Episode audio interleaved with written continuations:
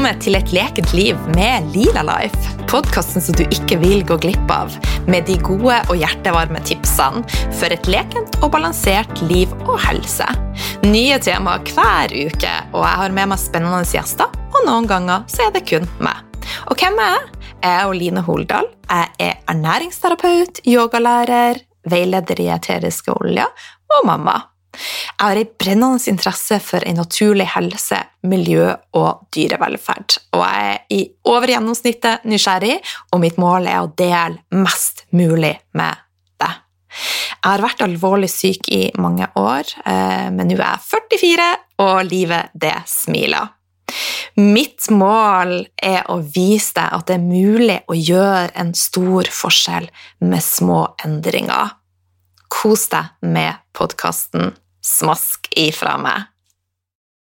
I dag er vi nok en gang så heldige å ha Kristine Oddvin Andersen fra Tankekilden med som gjest.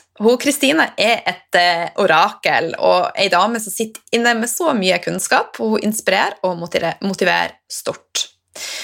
Kristine er mamma til hun vår på fem år. Et etterlengta barn hun jobber hardt for å bringe til verden. I dag skal vi snakke om det å bli mamma og en aldri så liten mammarevolusjon. Det å bli mamma er en gave veldig mange vel inn i livet. For noen så skjer det bare. Andre de må kjempe hardt, og noen de opplever det aldri. Kristine jobba hardt før hun var. Hun mista et ufødt barn på reisa og brukte flere år på å balansere kropp og sjel, og så skjedde det endelig. Hjertelig Velkommen, Kristine. Tusen takk, Line. Som vanlig så leser jeg opp ei tilbakemelding fra en av dere lytterne, og jeg setter så stor pris på hver av dere som tar dere tid til dette. Det betyr en stor forskjell. Og det her er fra Vestlands-Maria. Takk for at du deler. På mine daglige gåturer hører jeg ofte på din podkast, midt i blinken for meg som er interessert i et sunt kosthold, god helse og selvutvikling. Her er det mye gull å få med seg. Takk for at du deler av din erfaring og kunnskap. Du har så mange kunnskapsrike gjester, og du stiller gode og reflekterte spørsmål. Du er god som gull. Det må være all den gullsmoothien jeg spiser. og det var fra Maria. så tusen takk, Maria. Eh, og jeg er også veldig glad om du går inn via iTunes og legger igjen en tilbakemelding. Du kan også ta en screenshot, send den til team at lilalife.no. Merk podkast, og så sender jeg deg e-bok om søvn. Så tilbake til deg, Kristine. Ta-ta-ta! Du, litt av utfordring til deg. Du må jo gå inn via iTunes og legge igjen en tilbakemelding. Ja, altså, nå tenkte jeg nå at liksom, der er ræva, altså. Det har jeg ikke gjort, faktisk. Nei, og så tenkte jeg nå det må jeg gjøre. Så sånn, det er jo så fantastisk å få de her tilbakemeldingene. Liksom, ja, det tar jo ikke lang tid, men det betyr jo så mye for dem som får det. Jeg tenker sånn, herregud, alle må ha, må ha en podkast, fordi det er jo så hyggelig det er jo så hyggelig med de tilbakemeldingene. Så jeg lover, det lover jeg skal gjøre. Jeg skal gi det fem stjerner. og god tilbakemelding. så bra. Og det som er så bra med alle tilbakemeldingene som kommer via iTunes, gjør at eh, podkasten får en høyere rating, som gjør at den når ut til flere. Ja. Ergo vi kan gjøre en større, for, større forskjell. Kjempeviktig. Ja. Du, du, har jo vært gjest flere ganger hos meg, men jeg og lytterne vi er nysgjerrig. Så eh, fortell oss litt om dine morgenrutiner og hvordan du starta dagen din. ja, ja det, som sagt, nå er jeg da litt inn i uh, den her Nå er liksom sommeren ferdig, første høsten er kommet nå, og nå har jeg masse, masse av markens grøde i fryser og i kjøleskap, så nå har jeg masse sånne tinkturer fra, uh, fra kjente som er flinke å drive og på å lage det. Så i dag var det litt eh, ryllik-tinktur under tunga. Eh, litt eh, rosenrot, som er en fin eh, kvinne, kvinneplante.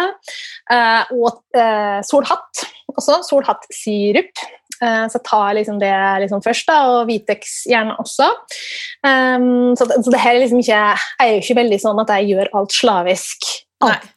Så det går litt sånn i rykk og napp, og det tror jeg er liksom litt viktig å understreke. Noen ganger er det litt sånn lazy mornings og litt lettvint. Og så har jeg perioder der jeg føler meg inspirert og motivert og kjenner behov for å liksom gjøre en litt sånn ekstra Så da kan det være litt flere sånne ritualer som, som er inne i bildet. da. Men det, det, det er ikke hele tida, men nå er det det, og det føles veldig godt. men det igjen kan jo ha en sammenheng med vår syklus. For at yeah. eh, enkelte morgener så har jeg bare lyst til å ligge, eh, og i dag så lå jeg faktisk en time etter vekkerklokka ringte og ikke gjorde noe. Bare, bare, lå der og kjente på at dette fortjener jeg. mm, absolutt. ja. Det samme som at jeg så på Daytime TV her om dagen. og følte meg skikkelig nåtig og tenkte sånn ah, herregud, nå skulle du ha jobba, nå skulle du gjort ditt. Og sånn, nei, vet du nå skal jeg se siste episode av sesong to av uh, The Last Kingdom med de tøffe vikingene og det. Det hadde jeg behov for da, så det gjorde jeg. så herlig. Fordelen med å være sin egen sjef, da. Ja.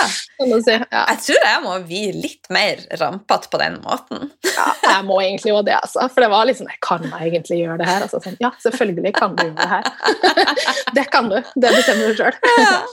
Men du, eh, dagens tema er det å bli mamma og eh, mammareiser og en mammarevolusjon. Eh, jeg starta jo med å fortelle at det å få et barn for deg var noe veldig etterlengta. Du jobba hardt for det, og det har vært ei reise. Kan ikke du fortelle litt om det? Mm.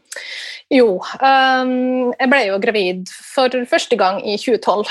Uh, eh, og da var jeg litt sånn det som kanskje ganske mange er, at liksom graviditet var noe sånn Vi hadde jo bestemt oss for å prøve, på en måte, så det, så det var ikke sånn helt ut av det blå på noe vis. Men jeg hadde ikke gjort så mye, jeg hadde ikke tenkt så veldig mye på Ikke tatt noen helsesjekk på liksom, Det bare ja, veldig lite bevisst omkring det. da. Eh, og, så, og, det kan jo selvfølgelig gå helt fint, det er ikke det, men for meg så gjorde det jo ikke det. Jeg hadde en såkalt mist abortion, så det er rundt uke 7-8, tror jeg, så, så, døde jo det, den lille spiren. Eh, og det fant jeg vel ut da i uke 10 rundt der. Da begynte jeg å blø, og så selvfølgelig selvfølgelig midt i ei helg, så liksom de ikke fikk sjekka noen ting, og det var liksom krise.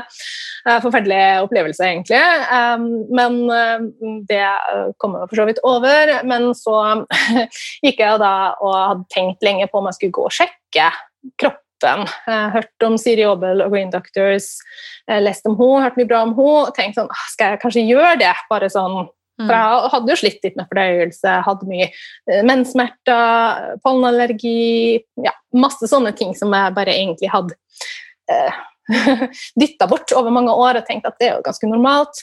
Eh, og da når jeg gikk og tok den sjekken, så fant jeg jo ganske mye uh, ubalanser, og det var ganske da mye langt mer forståelig. Jeg ville jo aldri vite selvfølgelig årsaken til at jeg mista, men uh, det, det ville nesten vært litt rart hvis det skulle gått bra med stoffskifte som ikke fungerte, progesteron som mangla. Eh, masse ubalanser rett og slett i kroppen. Så da starta på en måte min helsereise, eh, og brukte jo da ganske nøyaktig to år på å lese meg opp, jobbe med forskjellige eh, leger. Jeg jobba med Green Doctors, jeg jobba med Heggelig helhetsmedisin, jeg jobba med Funksjonellmedisinsk institutt, um, og jobba også hos uh, Green Doctors um, i en toårsperiode. Uh, så jobba tett med dem og fikk mer og mer sansen for mer funksjonellmedisinske tilnærminger ved at da fremfor å symptombehandle, så på en måte sjekker man og ser på hele mennesket og hele kroppen og finner rotårsaker. Så jeg jobba med tarm, jeg jobba med hormoner, jobba med næringsstatus. Uh, og fikk jo da bukt med en hel rekke av de her symptomene. PMS-en forsvant, menssmertene forsvant, jeg som spiste en pakke Ibux hver måned, plutselig så trengte jeg ikke det mer.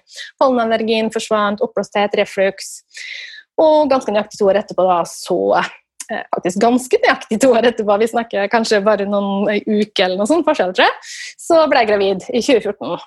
Ja. Uh, og kula satt på første forsøk, og graviditeten var problematisk, og fødselen var problematisk, og ja, det ble en hyggelig solskinnshistorie ut av det til slutt. da. Det høres jo veldig enkelt eh, og easy-peasy ut. Eh, hva, men hva er tipsene dine til eh, ei som er i samme situasjon, og som nå sitter og ønsker å bli gravid? Hvor starta hun? Ja, altså jeg er jo på en måte litt sånn tilhenger jeg da personlig av eh, Og det, det, har jo selvfølgelig noe med min egen erfaring å gjøre, men jeg snakker jo også med andre og har jo etter hvert skjønt at jeg er jo ikke den eneste som på en måte opplever det her eller står i den situasjonen. Og min konklusjon eller teori da er jo at det er en del sider ved den moderne livsstilen vi lever som ikke nødvendigvis er verdens beste match med fertilitet, sånn som vi absolutt ser på fertilitetsrettene, både hos menn og kvinner, eh, og graviditet, og eh, også alle, alle trimestrene. Eh, også småbarns-babyperioden. ikke sant? Det er en del utfordringer. Masse ting har blitt bedre. Vi har mange ting som var problemer før, som ikke er problemer mer, men det har kommet nye. Så um, Derfor så er jeg liksom opptatt av at vi vedkjenner oss det, da. Eh, og gjøre oss bevisst på hvilke utfordringer som finnes, og at vi eh, prøver så godt vi kan å tilrettelegge på det. Så er jo liksom litt for forberedelse. Da. Og nå vet jeg at det er ikke alle som er sånn. Noen foretrekker mer å bare ta det kult og ta det som det kommer. Og det er ikke feil. Det, det er ikke feil. Men jeg tror det litt, handler litt om hvordan vi er skrudd sammen, egentlig. Noen mm. blir bare stressa av å skulle tenke på samtalt og forberede og sånn. Uh, men jeg, jeg, jeg tror at majoriteten, flertallet, har nå hendt på å eh, forberede seg litt. Så jeg tenker at trimester null det, det, er viktig, og det har liksom blitt litt mitt nye hjertebarn. Um, som sagt, Første gangen jeg ble gravid, så tenkte jeg ikke noe over trimester null, mens andre gangen så var varte jo på en måte trimester null i to år. Så jeg brukte på en måte to år på å forberede kroppen med tanke på å bli gravid igjen. At det da skulle gå mm. Så, så, Men i den perioden der du fra du mista, og i de to årene, så prøvde du ikke å bli gravid? Du hadde gitt deg sjøl den tida til å, å bygge ja. opp deg sjøl? ja, det starta liksom med at ok, jeg får vente i tre måneder, kanskje. da, bare sånn etterpå, vente i tre måneder, og Så ble det seks måneder, og så ble det et år, og så ble det to år. Jeg visste jo ikke at det skulle ta så lang tid, og jeg sier jo ikke at det to år er jo relativt lenge og ikke noe som trenger å være nødvendig som en sånn for folk flest. Det her var jo en person som Jeg var jo ikke Jeg var jo syk, for å si det sånn. Mm. Jeg hadde masse problemer. og det Men uansett om du, om du på en måte er frisk og funker som du skal, så det å bruke sette av litt tid Noen sånne eksperter anbefaler kanskje tre måneder. Noen sier at noen, litt avhengig av din helsetilstand, så kanskje du trenger litt mer. Da kan det jo være smart å gå og ta en liten sånn sjekk. Sjekke at stoffskiftet funker som du skal. Mål hormoner, sjekke næringsstatus. Har du nok B12? Har du nok folat? Har du nok jod?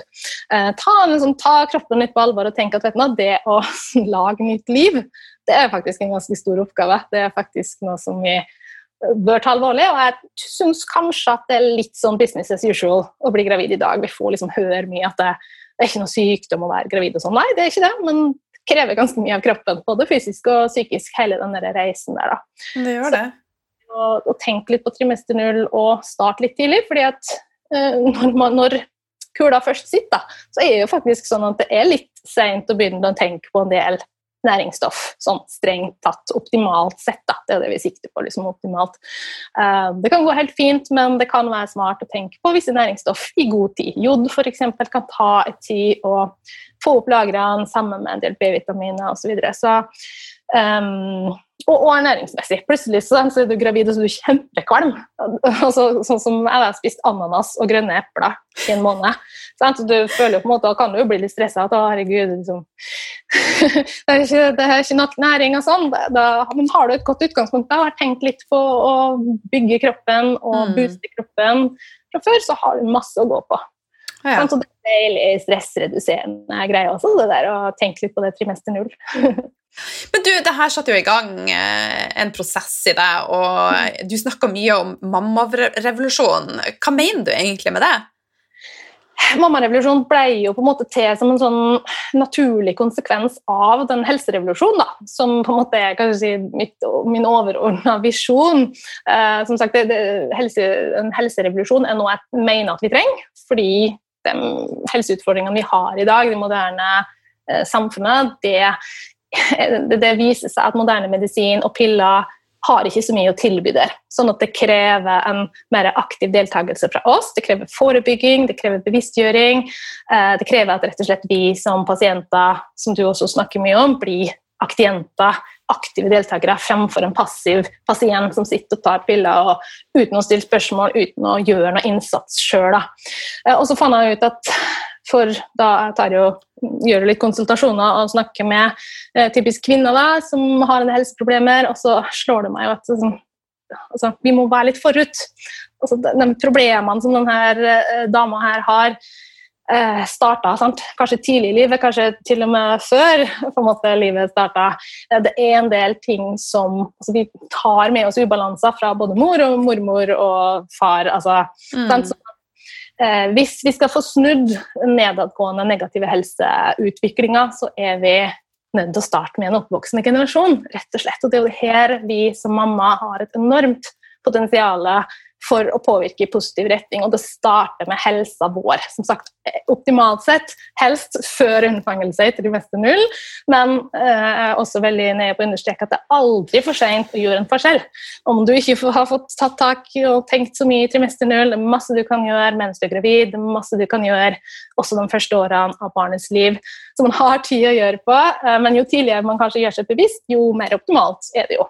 Mm. Så, så mammareduksjon handler om å gi mammaen og den utrolig viktige rollen som mammarollen er, eh, gi dem en stemme, og ikke minst hjelpe dem da også å lytte til sin egen stemme. Eh, og kanskje det som mange vil kalle mammahjertet også, intuisjonen sin. Fordi eh, altså er, altså, informasjon er liksom ikke det det mangler på i dag. Det er kanskje heller det motsatte.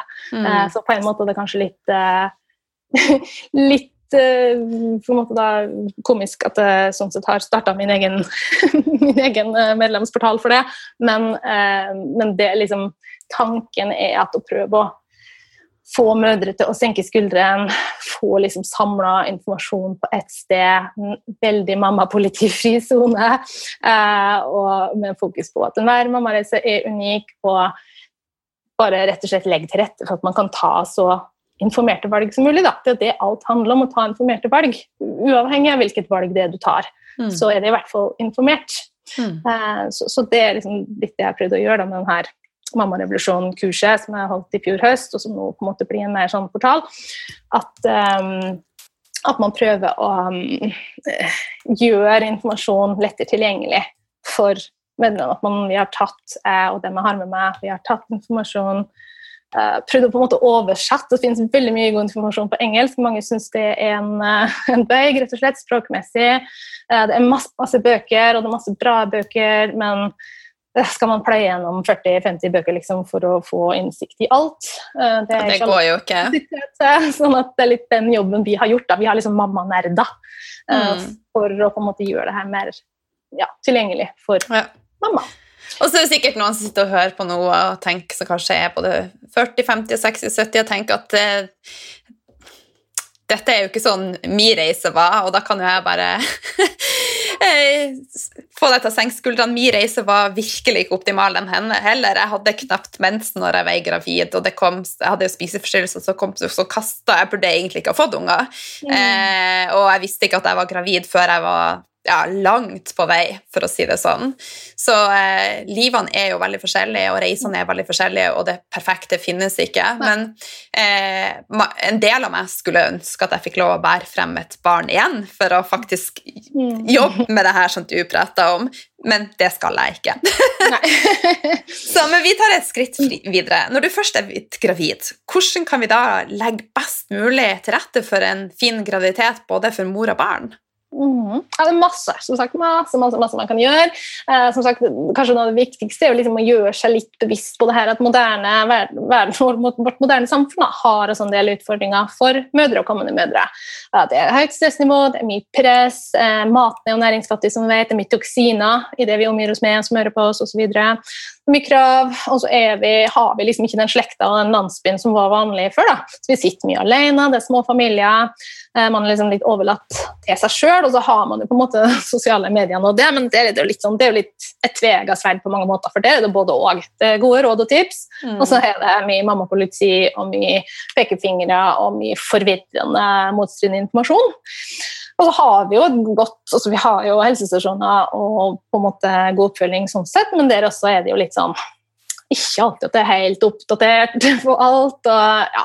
Så liksom, det krever at vi er litt sånn aktive og søker informasjon sjøl, og er liksom kritisk til det. Så, men jeg tenker at um,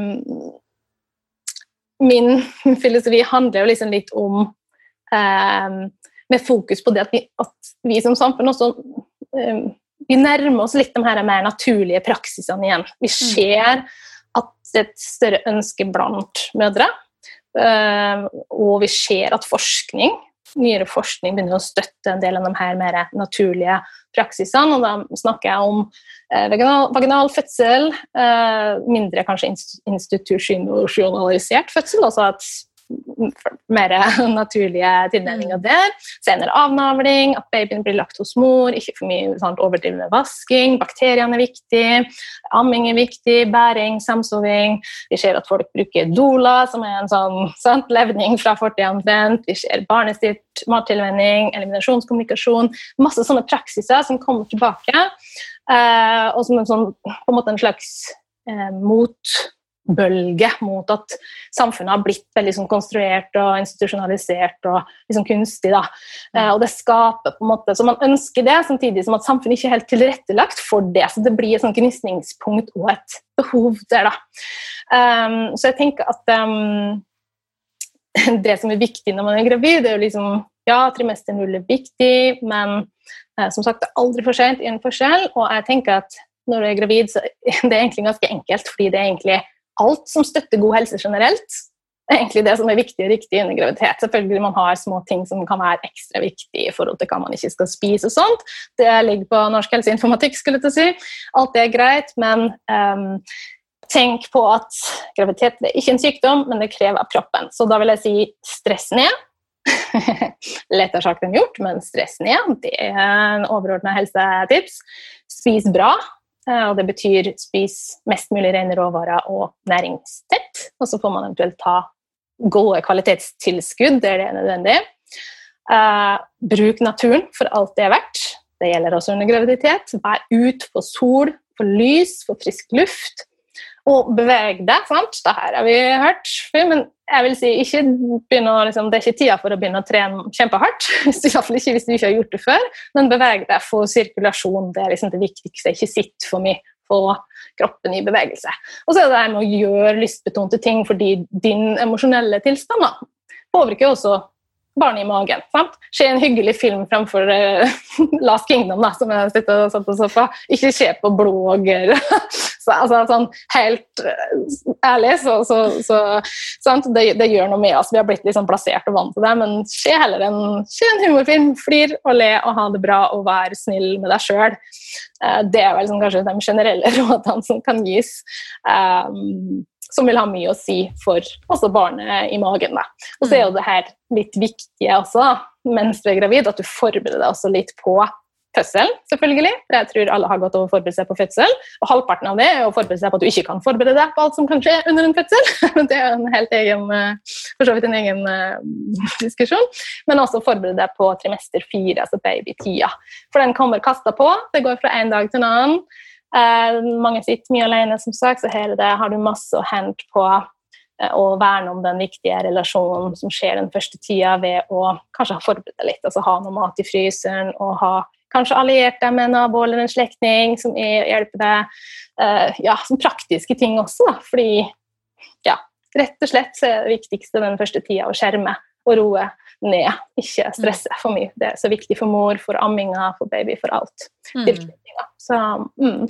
Men eh, oppsummert så, så, nærmer vi oss jo mer og mer naturen. Altså, jeg tror flere og flere har et behov for å være mer connecta til naturen og gjøre ting enklere. Eh, du nevnte Dola.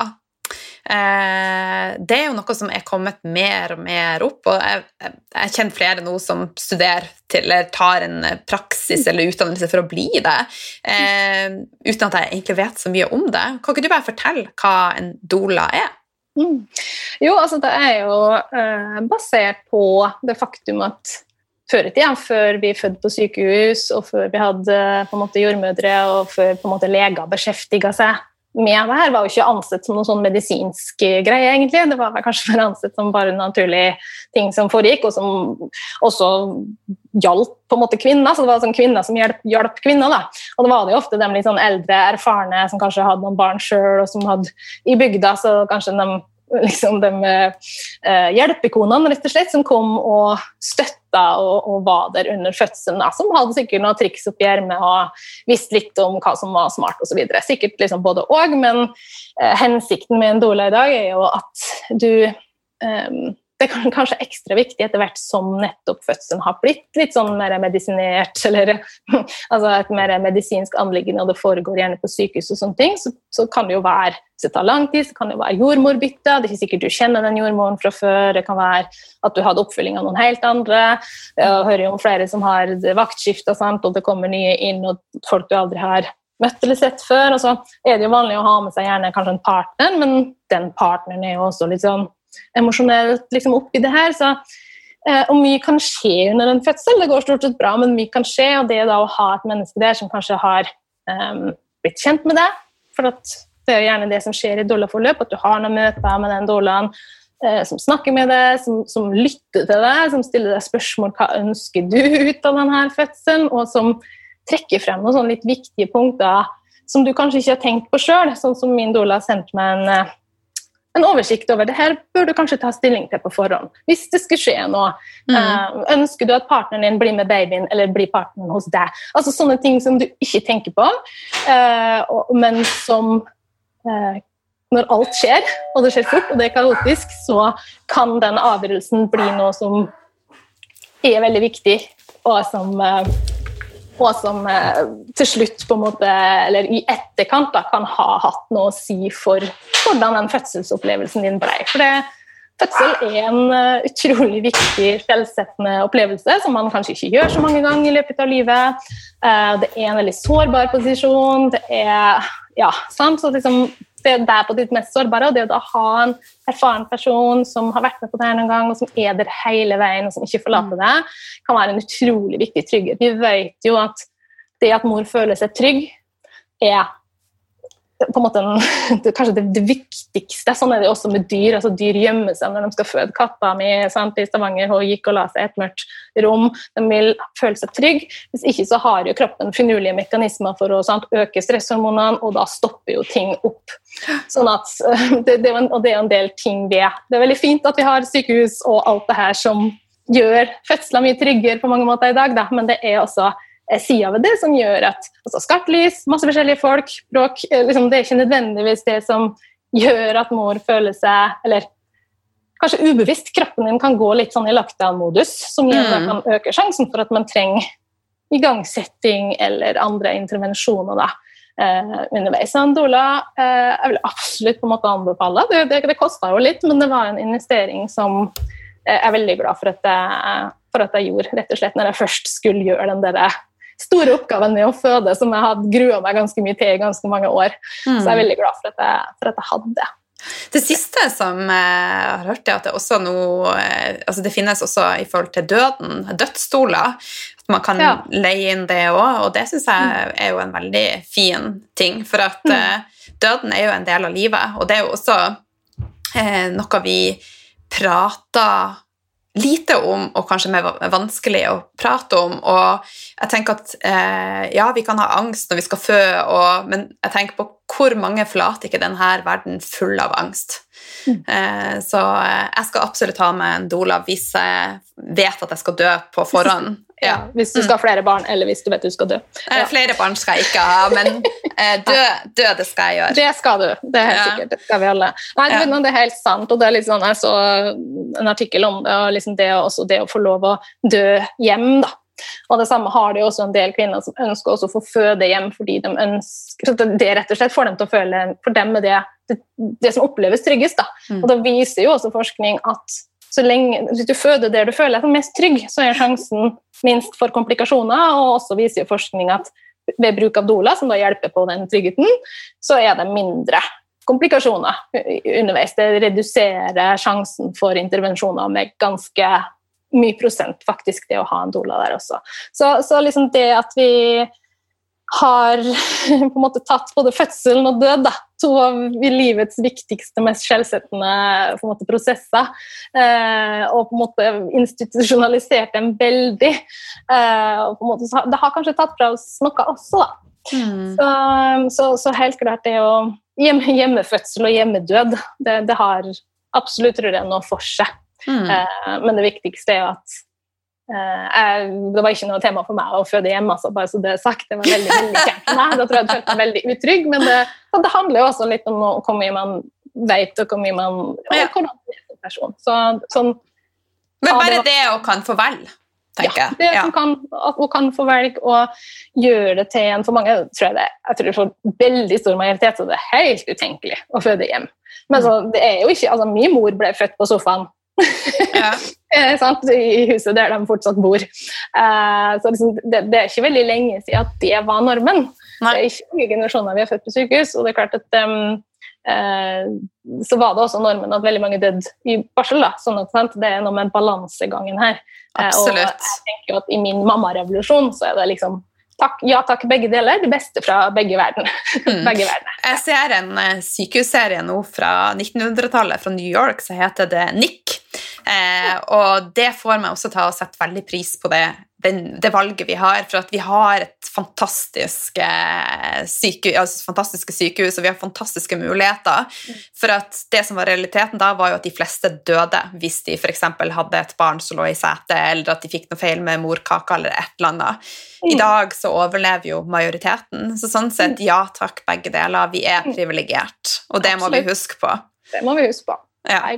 Så, Mm. men to ting som du også prater mye om, det er det med tungebånd, og så er det det med å vente med å klippe navlestrenger. Og dette var ikke snakk om når jeg fikk mine barn for, for 17 og 19 år siden. Det er liksom Mm. tema som er kommet mer og mer til dag, eller til sett dagens lys. da. Fortell oss litt om det. Ja, det har skjedd veldig veldig mye, heldigvis. Det har skjedd mye eh, Mm. bare de siste ti åra på veldig mange fronter. Eh, Mm. Så det her med eh, som sagt, liksom bare Jeg har ikke noe bedre ord enn naturlig, egentlig. Jeg vet ikke helt om jeg liker det ordet. Jeg tror mange får litt sånn, kanskje dårlige assosiasjoner når jeg bruker ordet naturlig, men jeg har ikke funnet noe bedre egentlig, beskrivelse. Mannen min han er bare sånn Alt er naturlig. Selv Ja. kvikksølv er naturlig. Sant, ja. Så bare det der er på en måte en lang og evig diskusjon. Jeg har også skrevet om det på tankekilden.no, hvor jeg har skrevet at eh, ja, hva det heter det innlegget heter 'Naturen blir aldri avleggs'. Sant? Men, men, men det handler liksom om det, en, en, eh, det går an å finne en balanse. Og det, for meg så handler det om å kanskje undersøke de litt mer naturlige, skånsomme tilnærmingene først. Enten det er snakk om da, helse eller fødsel eller graviditet, så liksom undersøk det først. Og så har vi selvfølgelig backup i moderne medisin, eh, keisersnitt eh, og masse stæsj som kan være livsviktig og livreddende. Men jeg syns vi har blitt litt for raske til å hoppe på det mest moderne først, som ofte ikke er det mest skånsomme. Litt for rask sant, med antibiotika for å gi det litt tid og vente og se. Sant, og sånne ting, og det kommer tilbake og bite oss i ræva eh, med antibiotikaresistens og det der. Eh, Det gjelder medikamenter, eh, medikamentbruk generelt. Det gjelder en hel masse ting, egentlig. At vi er litt for raske til å hoppe. Og sånn, det er ikke så fryktelig lenge siden at det var normen på sykehus rundt omkring var at mor ble dopa ned og barnet på en måte ekstrahert. Så mor var, kanskje, altså, var ikke, tok ikke del i den fødselen i det hele tatt. Det er litt sånn, Hvorfor skal mor lide når vi bare kan gjøre det her uten at hun føler smerte osv. Så, så, altså, sånn, så det ble tatt veldig langt, da. Mm. Og så begynner vi nå å se at det kommer en mer sånn naturlig bølge som eh, fordi forskning også viser oss at det her er ikke det mest gunstige. Mm. Så, men hva skulle jeg snakke om? Jeg skulle snakke om eh, ja, Tunge med- og navl. ja, vi tar det med navn og fødsel først, da, sier vi snakke om det. Um, fordi det kommer en del Man ser at det er en del naturlige tilnærminger i forhold til det her med fødsel som kan være gavnlig. Sånn som eh, det at mor får barnet først. Vi driver ikke og veier og vasker og holder på. Det kan vente. på en måte. Den der første par timene eh, etter fødselen er så avgjørende for tilknytninga, for da er biokjemien vår, hormonene våre, er liksom på et helt, helt spesielt sted akkurat da, og det, det går på en måte over, så du får ikke den tida igjen.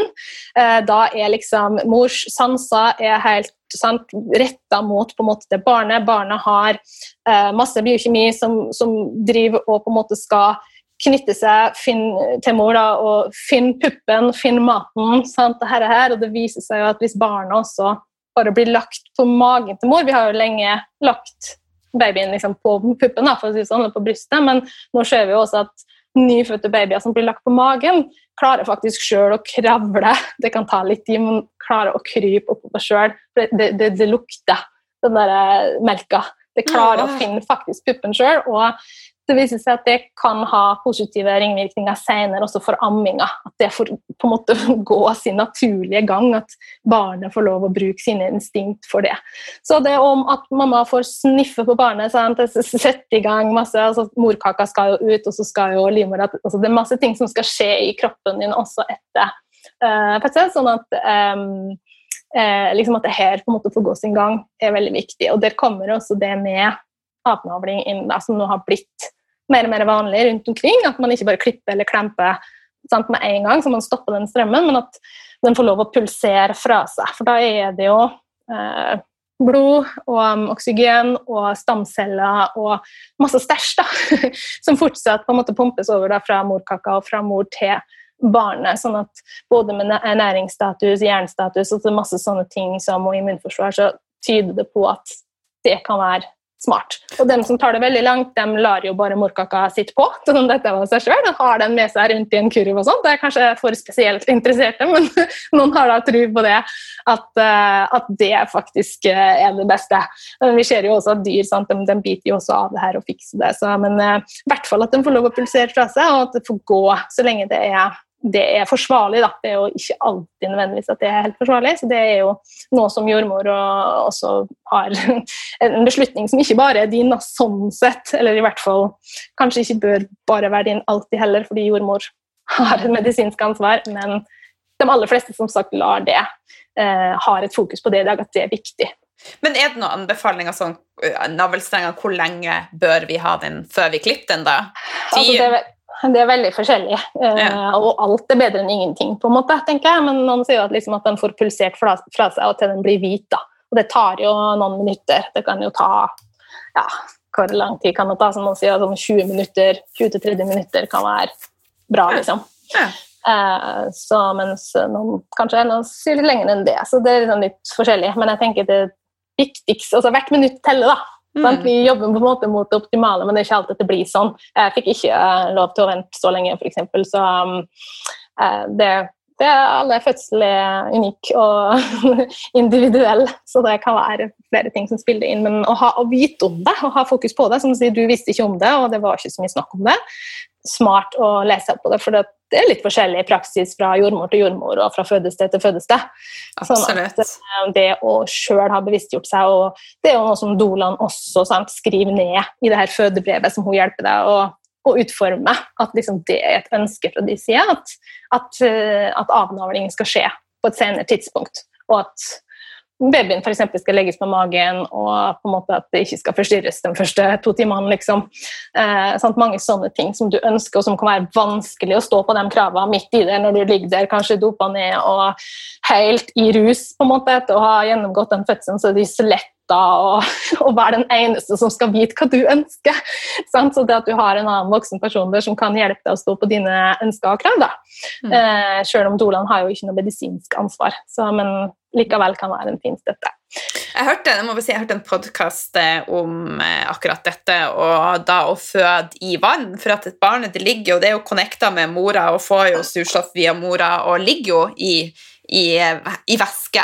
Så det her var da fødsler under vann, og det var faktisk eksempler der de ikke kutta denne navlestrenga på ti minutter, der barnet bare lå i vannet og mm. levde liksom godt. Det er jo utrolig spennende. Det er jo kanskje en, en, Så lenge det, eller det vannet har rett temperatur, som de gjerne passer på at det har, da, så, så, er jo det en my, mykere overgang ut i denne verden når du tross alt har ligget i vann i ni måneder. Så ja. helt klart. Mange mm. ønsker jo å føde i vann, og sånn som ABC-klinikken her i Oslo tilbyr jo f.eks. det. Uh, så det er en veldig, en absolutt en fin ting. Mm. Men tungebånd, da? Det er jo også noe som ja. prates mye om nå kontra mm. før. Og heldigvis, fordi ja. Eh, bare som sagt for fem år siden når jeg ble mamma, så da begynte jo så smått, vil jeg si. Uh, bli, uh, men jeg hadde ikke hørt noe om det før, før da. Så, så, så, det har skjedd utrolig mye, vil jeg si, på fem år. bare der. Um, og det her handler jo om at det båndet da, som er under tunga. Hvis du løfter på tunga, så er det et sånn bånd der, på en måte. At hvis det på en måte er for for stramt, så kan, har ikke tunga på en måte den eh, bevegelsesfriheten, og det kan jo da eh, skape problemer. Eh, amming er jo ofte det det merkes på. At mor blir sår, at barnet ikke får i seg nok, eh, at det er klikkelyd. Eh, det kan være også masse ammeproblemer som stammer fra stramt tungebånd, så det, det, at det er mer fokus på det, gjør jo nå at flere får hjelp med å få amminga til å fungere. Det var jo tilfellet for oss det var jo eh, stramt tungebånd. Vi fant ikke ut det før det var tre måneder, og det måtte jo finne det ut sjøl, for å si det sånn. Ikke mm. jordmor, ikke lege, ikke eh, til og med ammehjelper og helsestasjon. Ingen av dem klarte på en måte å pinpointe det, for det finnes mange ser at er hjerteforma tunge, og så finnes det egentlig fire ulike si, varianter av stramt tungebånd. og de fleste av dem blir ofte oversett fordi de vet ikke hva de skal se etter. Uh, sånn at det er underdiagnostisert. Da. Um, men nå ser du at flere får den diagnosen, så ser helt tydelig at det, et, at det gjelder ganske mange. Så, um, og før så var det jo faktisk eh, sånn at uh, Dolan eller hjelpekona tok et sånn snap rett etter fødsel. hvis man Så at uh, så det, det, er ikke noe helt nytt, men det har ikke vært snakk om det så mye. Så, men det kan skape problemer med amming, som sagt, så det oppdages ofte da. Eh, men det har også veldig mye flere ringvirkninger på sikt da, enn det. for F.eks. Så hindrer på en måte det at tunga får ligge og hvile i ganen, som er den naturlige eh, posisjonen til tunga, og som da gjør at du får brukt nesa di som det pusteorganet den er. Det er ikke meninga vi skal puste med munnen. Uh, det er på en måte en diagnose, altså å være munnpuster. Det er på en måte ikke noe gavnlig ting. Så tunga skal hvile i ganen, da puster du med nesa. Det har masse å si for, uh, for det oksygenopptaket, for veldig masse ting, og i, ganen så er det masse nervepunkter som blir stimulert av at tunga ligger der. Det har masse å si for søvn, fordi at puster du med munnen, så går det utover søvnen din. Søvnapné henger ofte sammen med munnpusting. Som igjen, hvis du har søvnproblemer, går utover atferd. Så ja, stram tungebånd kan til syvende og sist også ha konsekvenser for faktisk atferden og ditt barns velbefinnende. Og spising, selvfølgelig. Problemer med tunga er jo en muskel, sant? det er motorikk her, og det skal trenes opp når man begynner med fastføde og sånne ting. Og selvfølgelig bittet og formen på ansiktet. Hele det her påvirkes. Så på, min, på Mammarevolusjonen medlemsportalen så er jo Malin med, Malin Staff. Hun er da Norges første og eneste orofasial myolog. Det var hun som starta den Facebook-gruppa Norsk støttegruppe for stramt tungebånd i sin tid. For hennes sønn var også født med stramt tungebånd, og de sleit masse med å finne ut av det her. Så hun tok saken i egne hender og fant ut av det, og har nå også da utdanna seg innen det her. For én ting er jo det her klippet, men også veldig viktig hva som skjer før og etter det klippet av tungebåndet. Det er også noe som mange ikke er helt klar over. da. Men kan man da som voksen faktisk klippe tungebåndet? Ja. ja. Det og det går jo ofte litt sånn i arv, på en måte. Jeg vet om flere voksne også som har klippet og som da har fått plutselig Oi, den uh, nakken som har vært stiv og, og, vond i mange år, den er plutselig bra. Wow. så, ja, så det, så det, er på en måte um, Det kan absolutt også gjøres. Og det er jo hun um, Å, hva heter hun? Anette Å, nå har jeg glemt navnet hennes. Det, det fins folk i Norge nå som også da har satsa dypt og godt inn i det her med tungebånd, tungebåndsproblematikk eh, og klipp, sånn at, um, og som utfører det her på en, på en, god måte. Mange av dem som er kjent, inkludert Malin og flere For fem år siden drev jo rest til England og Nederland for å få gjort det her av folk som faktisk visste hva de drev med. Nå begynner det å bli bedre tilbud også her, da. Så, Så det, herlig! Ja. det er jo litt sånn, de her er litt sånn tabubelagte tema og underkommuniserte tema. Det er litt sånn viktig for meg. Det, det er liksom en viktig del av mammarevolusjonen. At vi også skal få det her, de her tingene fram i lyset, som kan minske her problematikken og stresset for så mange mamma rundt omkring sant? med det med amminga og herregud ja, sant? Ja. Jeg sliter ikke med det. Så, hmm. Jeg tenker Helt avslutningsvis, når vi, du nevner stress Det med amming er jo noe veldig fint for både mor og barn, men som for mange kan bli et stresselement. Kan ikke vi snakke litt om det med amming og mm. dine tanker rundt det med amming? og ja. Ja. Et veldig til dels vanskelig og sårt tema omkring noe som egentlig er veldig naturlig, og som egentlig bør være ganske enkelt. Men igjen, som ikke alltid er enkelt, og det kan jeg sjøl skrive under på. Eh, og så er det jo da mye info om det, og det oppleves, mange opplever ammepress. Og så har du dem som opplever press for slutt am, og mer morsmelkerstatningspress. Altså du har mange varianter, like mange varianter som du har mødre, tror jeg. Eh, og det er klart at for mødre så er det liksom det å ikke kunne mate sitt eget barn da, er jo kanskje noe av det mest såre av alt. ikke sant? Å ikke lykkes med det. Det, det påvirker oss veldig sånn emosjonelt. Det er veldig veldig frustrerende og sårt. Mm. Eh, så eh, det er utrolig viktig at eh, amming løftes opp og fram. at kvinner og mødre får den infoen de trenger. Dette skal i utgangspunktet ikke være vanskelig, det skal ikke være vondt. men mange tror det, fordi det er det eneste på en måte, de har har opplevd. Eh, så er jeg veldig pro amming, fordi at vi kan ikke lukke øynene for det. Forskning viser oss at det har utrolig mange fordeler. Det er veldig magisk. Eh, men det er alltid en avveining og en individuell vurdering hvorvidt amming er det beste alternativet i en gitt situasjon. Så uh, igjen, uh, ikke noe mammashaming. Jeg har veldig stor forståelse for dem som kaster inn håndkleder. Det var like før jeg gjorde det sjøl. Jeg satt og pumpa dag og natt uh, og ga morsmelk på flaske. Jeg vet ikke om jeg hadde orka det igjen. så all forståelse for det. Så, men første bud er at kvinner får den infoen de trenger, og at vi får avliva de her mytene med at liksom, mange tror de ikke har nok melk og sånne ting. og så liksom får du på en måte oppfølging. Altså, det er veldig få som ikke har nok melk, eh, men det kan være mange årsaker til at det kan virke som du ikke har nok melk fordi ting ikke blir riktig tilrettelagt. Så eh, eh De viktigste sjekkpunktene liksom de her, som jeg sa i sted, de første minuttene og timene etter fødsel så viktig, og et, i tida etterpå at mor får ro. Ro, ro er hovedpri. på en måte. Jeg tror kanskje alle innser det, hvor viktig det er at mor og barn faktisk skjermes. At man har nok hud mot hud-kontakt. Eh, at babyen blir lagt i hyppig til brystet. Heldigvis er vi forbi det å amme etter klokka liksom, hver tredje eller fjerde time, sånn som det var før. Mm. Eh, nå er det mer liksom, stuereint å legge til barnet til brystet hyppigere. Eh, så ja. Eh, her er det info utrolig viktig, og oppfølging utrolig viktig, og der har vi jo en vei å gå. Eh, nå skal jo vi dyttes ut av fødeavdelingene etter to døgn, liksom, før amminga er skikkelig etablert. Så det her, det her legger jo ikke akkurat til rette for bedre ammerate og at flere lykkes med amminga. Så det er klart vi har litt å jobbe mot når det kommer til systemet der, da. Men uh, ja. Så altså, der har jeg også har jeg også med meg andre Kristine, Kristine Westøl, som er næringsterapeut med ammehjelpereksamen. Hun er med på Mammarevolusjon. Uh, og er den, kanskje den mest uh, Ja, hun er ammeguru. den jeg kjenner som mest nerd på akkurat det med amming. Så hun har jo masse å si om det temaet der, og masse gode tips å gi. Og brenner veldig for at flest mulig da, skal ha mulighet til å lykkes med jamminga. Så det, det, er kjempeviktig. Det er også masse man kan lære, og masse informasjon her mm. ute. Så det er jo en liten, eh, en liten eh, jungel. Så Ja, det er en jungel.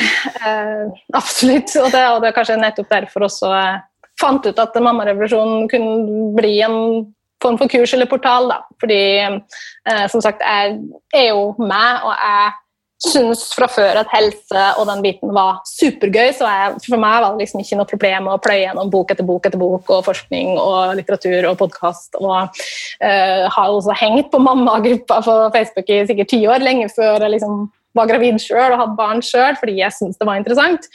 Uh, så liksom, jeg sier at vi har liksom, mammanerder for deg, da. Liksom, hvis du ikke er den typen som å, aldri kan få nok bøker, og sånn, og som føler at helt uoverkommelig å navigere i den jungelen av info, så er liksom Mamma Revolusjon tenkt å kunne være en, en plass hvor du får det oppsummert, kort, konsist, enkelt, uten pekefinger og uten helt mamma-politifri sone. For det er, liksom, det er, jo ikke noe fasit på være mamma. Liksom, vi har ikke fasiten, jeg har ikke fasiten, mammarevolusjonen har ikke fasiten. Men det er ikke alltid en fasit. Det er ingen som er ekspert på være mamma, selv om Gro Nylander sikkert stiller ganske sterkt. Så, så, er det ingen som er ekspert på være mamma. Så det handler egentlig bare om å støtte hver enkelt mamma til å bli sin egen ekspert. og eh, ja, ha, finne den roa og tryggheten i dem, og stå støtta i de valgene man tar uansett. Og det betyr mm. ikke at man skal være perfekt. Det er ikke det samme. Nei, overhodet ikke. Men du får ikke gjort det perfekt. Så, så halvparten, jeg pleier å si at halvparten av mammarevolusjon-konseptet er å, å gjøre nyttig info tilgjengelig. Og tabubelagte og underkommuniserte tema som trimester null og tungebånd og de her tingene gjør det tilgjengelig, men halvparten av det er også å hjelpe deg å lytte innover så du klarer å senke skuldrene og stå støtt i velgene dine. Det er egentlig halvparten av mm. poenget. Fordi informasjon er egentlig ikke for, for, Det er liksom ikke noe mangel på informasjon, men mange, problemer med å navigere i all informasjon.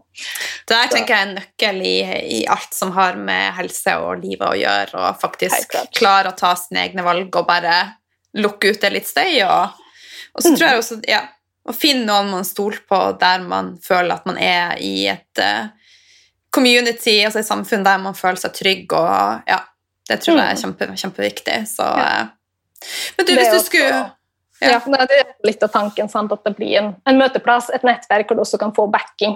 Mm. Det handler ikke bare om den riktigste, korrekte informasjonen. og det er jo ikke noe, Mammarevolusjonen er jo ikke noe uh, erstatning for medisinske råd eller ting, altså råd du får fra helsepersonell og sånne ting, jordmor, lege, helsesøster, men være et supplement som kan hjelpe deg å navigere i det. Uh, rett og slett. Mm. Ja. Hvis du skulle anbefale ei bok til uh, ei som uh, nå sitter og ønsker å bli gravid eller er mamma Du skal få lov å sende meg mange linker, som vi linker opp i blogginnlegget, men nå får du faktisk bare lov å si ei bok. Ja, jeg kan jo si først som sist at På mammarevolusjon.no så ligger det egen side med, som heter litteratur, hvor jeg har samla mange av mine og våre eh, favorittbøker. Da. Og det er jo ikke bare meg her, som sagt, det er jo Malin som er orefasiolog, og så er det Kristine som er ammeguru, og så er det en doula, og Anette som er doula og yogainstruktør. Og så er det Sadie Lawler som er hypopressiv trener og har fokus på mammakroppen. Eh, og så er det Lisa Marie Mør som er ernæringsveileder. Eh, og så Elisabeth Møller Bjørklund som er relasjonscoach og fysioterapeut. Så her, så det her mammarelasjon er ikke bare meg, bare så det er sagt. Her er vi mange som deler både erfaring og fagkunnskap. Da. Det er litt viktig å få med. Eh, men ei bok, hvis noen spør meg om ei bok, så er det ofte hypnobirthing faktisk som dukker opp eh, hos meg fordi den var så viktig for meg. Ikke fordi den gjorde fødselen min smertefri, men fordi den fjerna fødselsfrykten min. Og den var en utrolig øyeåpner i forhold til det her med fødsel og smerte, og hvordan vi historisk sett hva som har påvirka vårt syn på fødsel opp gjennom tida. Men likevel eh, så er ikke det kanskje Hvis du bare skal ha ei bok, så ville jeg tatt en av Gro Nylander sine bøker, f.eks. 'Mamma for første gang' hun, da får du liksom veldig sånn oppsummert, og på norsk alt som er viktig. Og Gro Nylander, selv om noen syns hun er streng, så syns jeg hun er fantastisk. Jeg syns hun um, er akkurat passe streng for å få fram viktige ting, og amming og tilknytning og alt det her, men samtidig så er hun veldig Jeg ble veldig rolig av å lese bøkene hennes, fordi jeg følte at mitt beste er godt nok. Jeg satt faktisk igjen med den følelsen. Så Gro Nylander, absolutt. Mm. Yes. Tusen takk Kristine, for at du nok en gang har delt masse kunnskap og inspirasjon og motivasjon med oss. Det har vært veldig hyggelig. Veldig, veldig hyggelig å få eh, være med. Håper vi får deg med en senere gang også. Det er bare å spørre.